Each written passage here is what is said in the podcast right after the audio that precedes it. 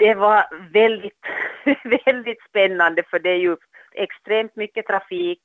Det var massor med glassplitter längs vägkanten så faktum var att en av lagmedlemmarna fick en punktering där ännu på den biten så vi fick sköta en sista punktering innan, innan vi, vi då kom fram.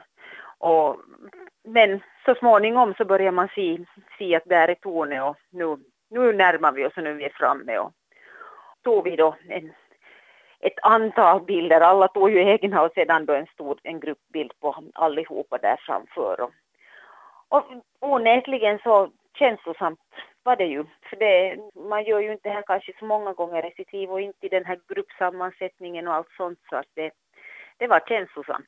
Jag läste här att det var 1900 nordiska cyklister från olika team av det här teamet Rinkeby Godmorgon mm. som just cyklade det här välgörenhetsloppet. Har ni under vägen här nu då från Vasa till Paris, har ni sett andra team någonstans på vägen eller var det först när ni kom till Paris som ni började se eh, andra team?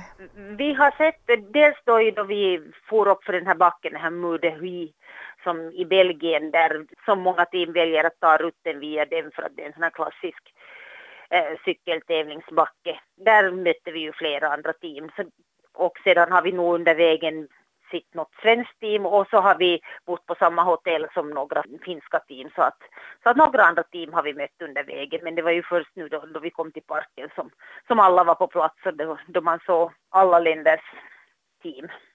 Nå, ni har cyklat i ungefär en och en halv vecka. Mm. Vad har varit bäst, vad har varit sämst?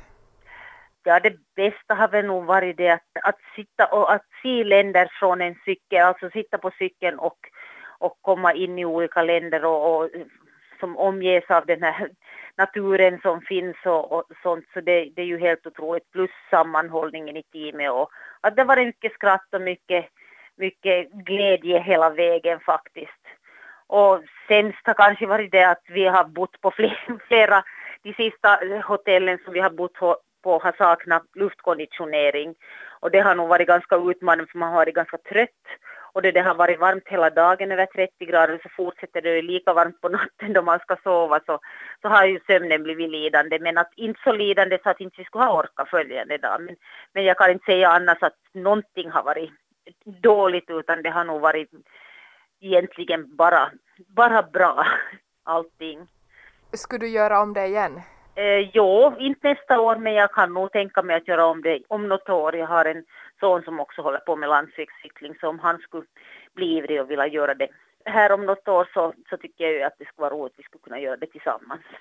Jag läste här att ni i, i, i Vasa-teamet har cyklat, var det 1629 kilometer. Ja, ja. Hur, hur känns benen efter det? Det märkliga är ju att de, de känns hur fräscha som helst. Jag skulle ha kunnat fortsätta. Det är faktiskt otroligt. Man tänker att man kommer att vara helt slut om man kommer fram. Men, men just benen så, så ja, jag, jag känner inte av någonting utan det är bara, de är som vanligt. Nå, vad händer nu då? Teamet, teamet splittras nu och, och vi kommer att träffas sedan för det är en sån här gala där de pengar som har samlats in då under detta Team Rynkeby i år så överräcks till det här Sylva, RY och Amo Sätiö. Så jag läste här i att ni i Gomorron Vasa hade samlat in över 100 000 euro. Så är det, ja. Så det är ju nog verkligt alltså, vi tackar ju nog alla de sponsorer som har velat, velat vara med och, och, och vara delaktiga i det här projektet och sedan alla privatpersoner som har skänkt via de här sidorna där man kan skänka pengar också. Så det, har, det, det är nog en, en verkligt fin summa som vi kan lämna över till de, de små som behöver den hjälpen.